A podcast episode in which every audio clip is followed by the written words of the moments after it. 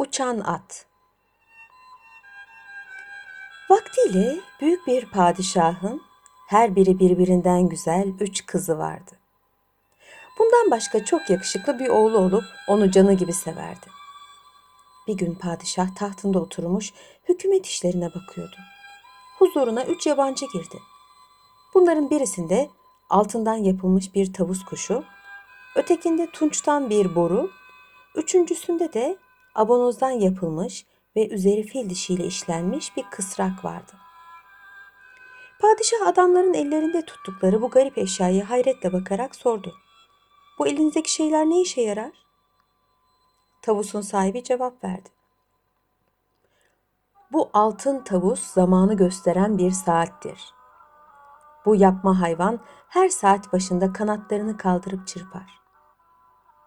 Borunun sahibi, Efendimiz dedi, bu borunun çok büyük faydaları vardır. Bunu şehrin kapısı önüne koyarsanız şehre girecek olan düşmana haber verir ve yakalanmasına yardım eder. Sıra kısrak sahibine gelmişti.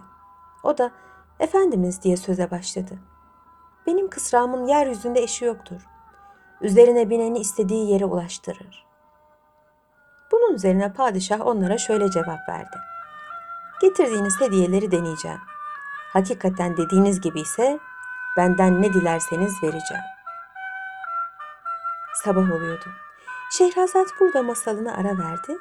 Ertesi akşamda bıraktığı yerden alıp tekrar şöylece anlatmaya koyuldu.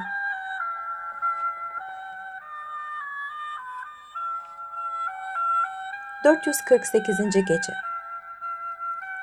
Padişah tavusla boruyu tecrübe etti.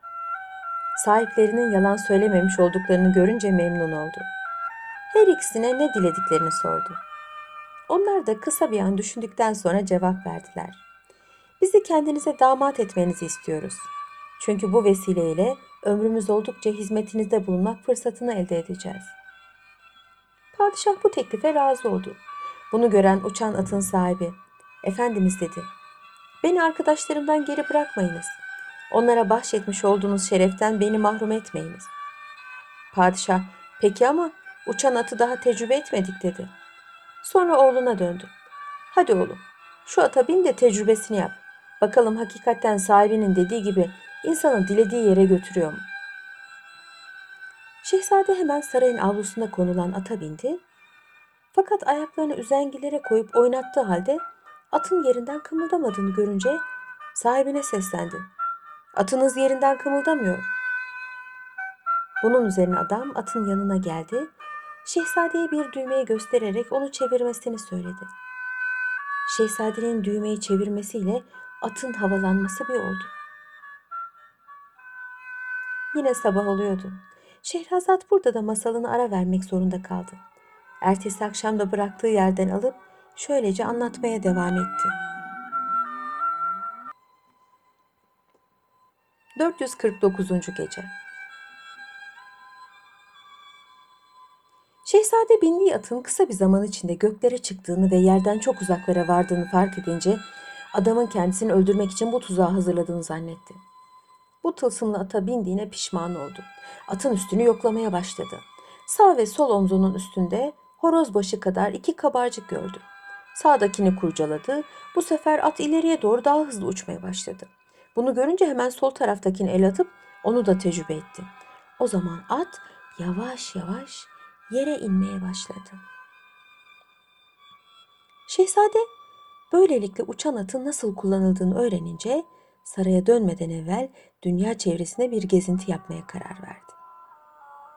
Atı istediği gibi idare ederek ömründe görmediğini ve hayalinden bile geçirmediği çeşit çeşit şehirlerin üzerinde dolaşmaya başladı. Bir aralık yeşil bir vadi ortasında kurulmuş olan büyük bir şehir gözüne çarptı. Atı biraz alçaltarak bu güzel şehri yakından seyretmeye koyuldu.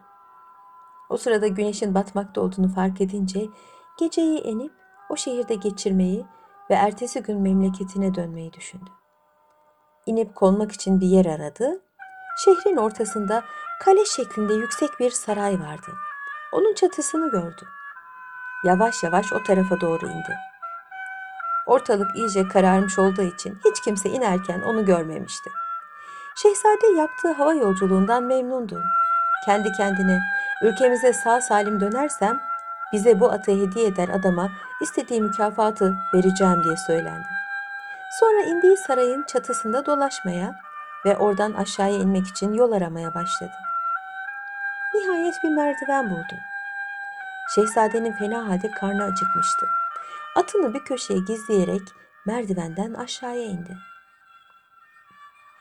Kendisini baştan başa beyaz mermerden yapılmış bir salonda buldu.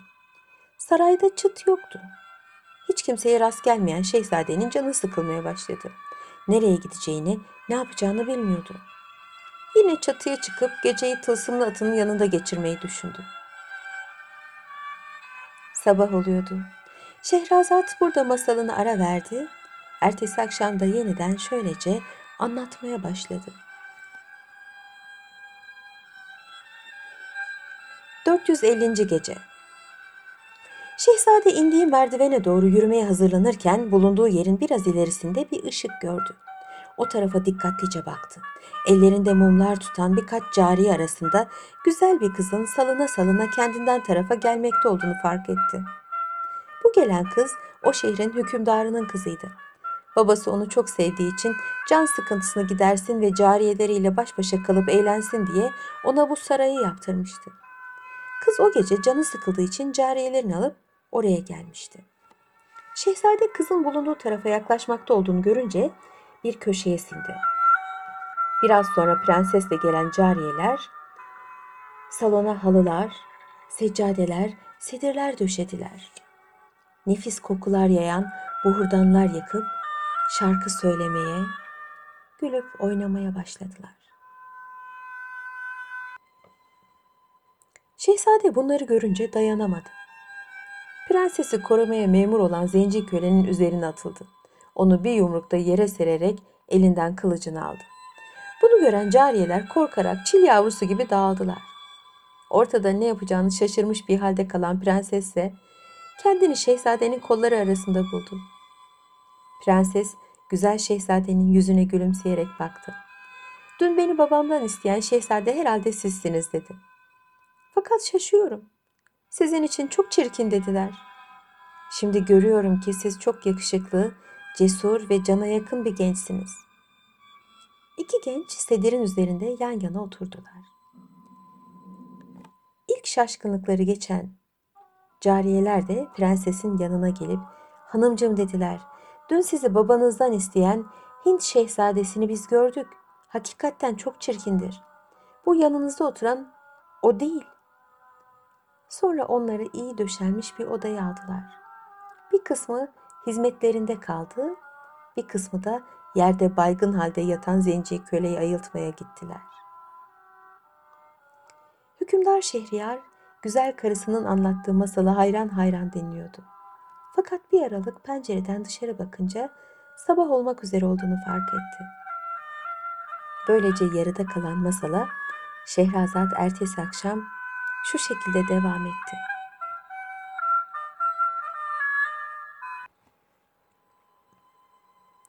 ...451. Gece Zenci köle kendine gelince prensesi sordu. Cariyelerden biri prensesin şehzade ile bulunduğu odayı gösterdi. Köle oraya giderek perdeyi araladı, hayret ve korku ile şehzadeye bakarak sordu. Sen nereden çıktın? İn misin, cin misin, nesin?'' Şehzade elini kılıcının kabzasına götürerek hadi defol buradan ben hükümdarınızın damadıyım diye cevap verdi.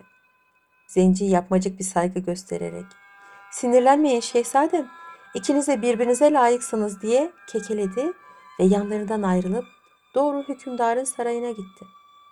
Uyumak üzere olan hükümdarın huzuruna girerek saçını başını yolmaya, ağlayıp dövünmeye başladı. Hükümdar onun bu halini görünce bağırdı. Ne oldu sana çıldırdın mı? Köle derin bir nefes alarak. Efendimiz dedi. Çabuk benimle beraber sayın prensesin sarayına gelin. İfrit'in biri kızınıza sahip çıktı. Hükümdar hemen giyindi, eline kılıcını alıp köleyle birlikte kızının sarayına gitti. Kendisini karşılayan cariyelere prensesi sordu. En cesurları atılarak ona olup biteni anlattı. Sonra da damadınız olduğunu söyleyen bu genç her ne kadar bize birdenbire saldırdıysa da çok terbiyeli ve kibar bir kimseye benziyor.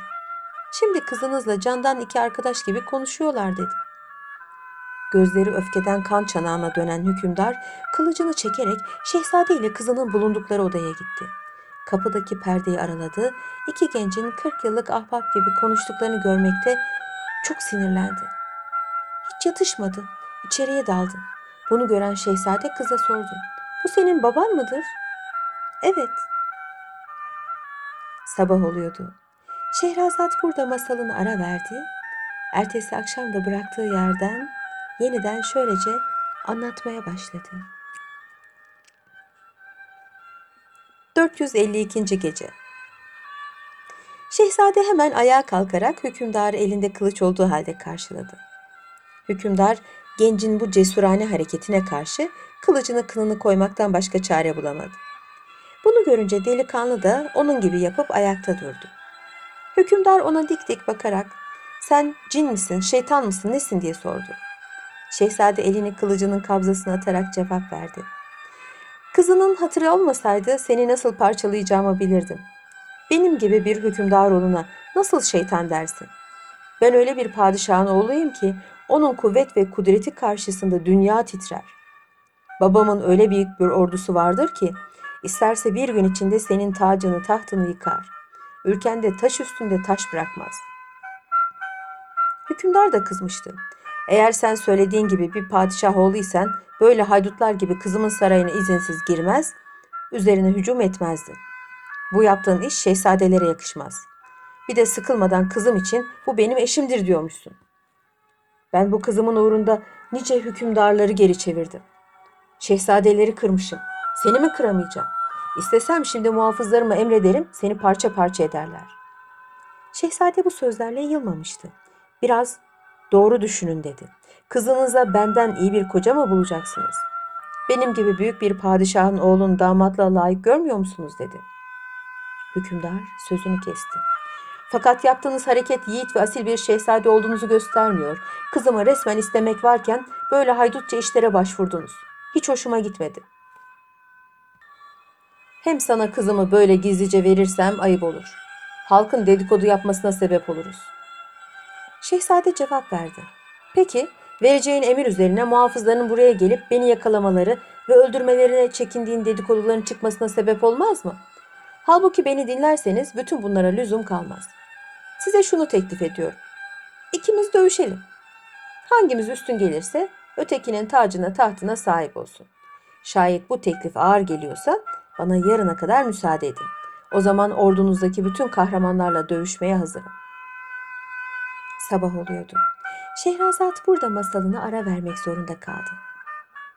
Ertesi akşam da anlatmasına şöyle devam etti.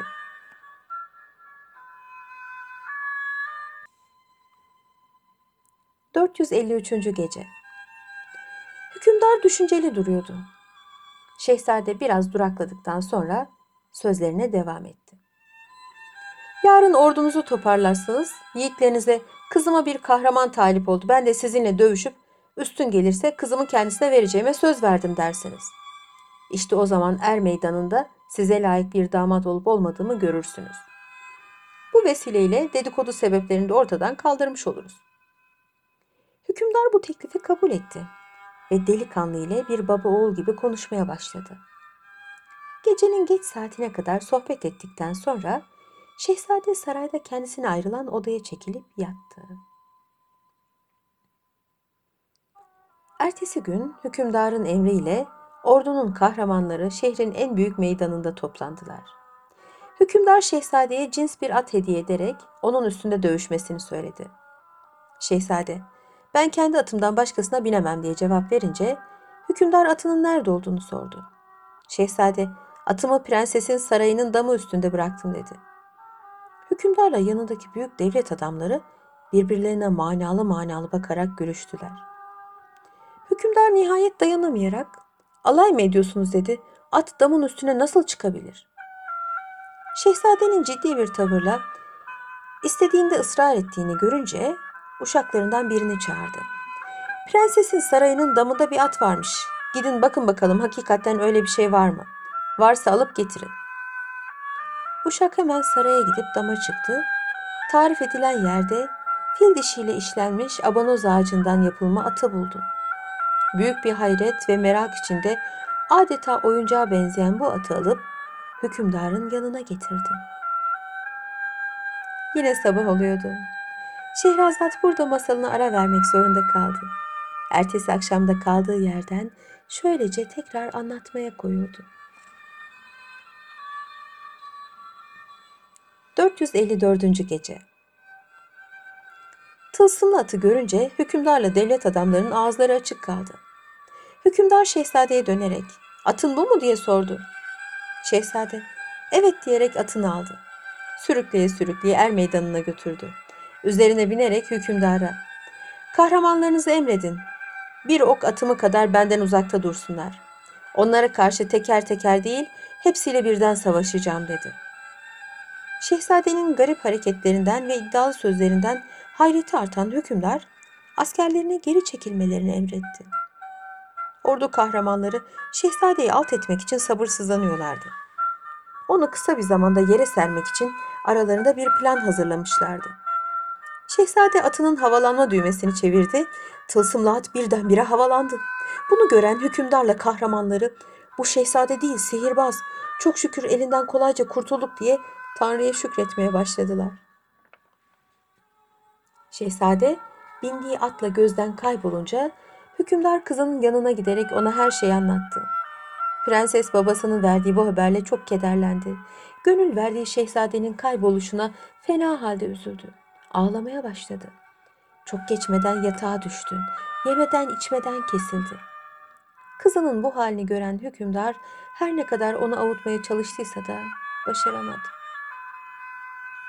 Tan yeri ağrıyordu. Güzel Şehrazat burada masalını kesmek zorunda kaldı. Ertesi akşamda bıraktığı yerden alıp tekrar şöylece anlatmaya başladı. 455. Gece Şehzade bindiği tılsımlı atla havalanmış fakat çok hoşuna giden prensesi unutamamıştı. Hükümdarın yanındayken saray adamlarına bulunduğu memleketin adını sormuş ve Sana şehri olduğunu öğrenmişti. Kısa bir yolculuktan sonra babasının ülkesine geldi. Yavaş yavaş atını sarayın avlusuna indirdi ve hemen kendisinin de birdenbire kayboluşuna üzülen babasının yanına gitti. Padişah oğlunu görünce çok sevindi. Onu bağrına bastı. Şehzade atın sahibi olan genç adamı sordu. Padişah, sen ata binip kaybolunca buna sebep olduğu için onu hapse attırdım dedi. Ve vezirine onu hapisten çıkarıp mükafatlandırmasını emretti. Bunun üzerine şehzade babasını atı nasıl kullanacağını öğrendiğini söyleyerek Yemen ülkesinin nasıl gittiğini ve Sana şehrinin hükümdarıyla aralarında geçenleri anlattı. Padişah bunu işitince, oğlum dedi, Yemen hükümdarı isteseydi seni öldürtürdü. Bir daha bu ata binip başına işler açma. Şehzade bir zaman babasının sözünü dinleyip tılsımlı ata binmedi. Fakat Sana hükümdarının kızını bir an bile hatırından çıkarmadı. Gün geçtikçe içi aşk ateşiyle yanıp kavrulmakta olan şehzade nihayet daha fazla dayanamadı. Tılsımlı atı meydana çıkararak üstüne atladı ve Sana şehrine gitmek üzere havalandı. Oğlunun tılsımlı ata binip saraydan ayrıldığını gören padişah, biricik oğlunun fena bir akıbete sürüklenmesinden korkarak atı ortadan kaldırmadığına pişman oldu.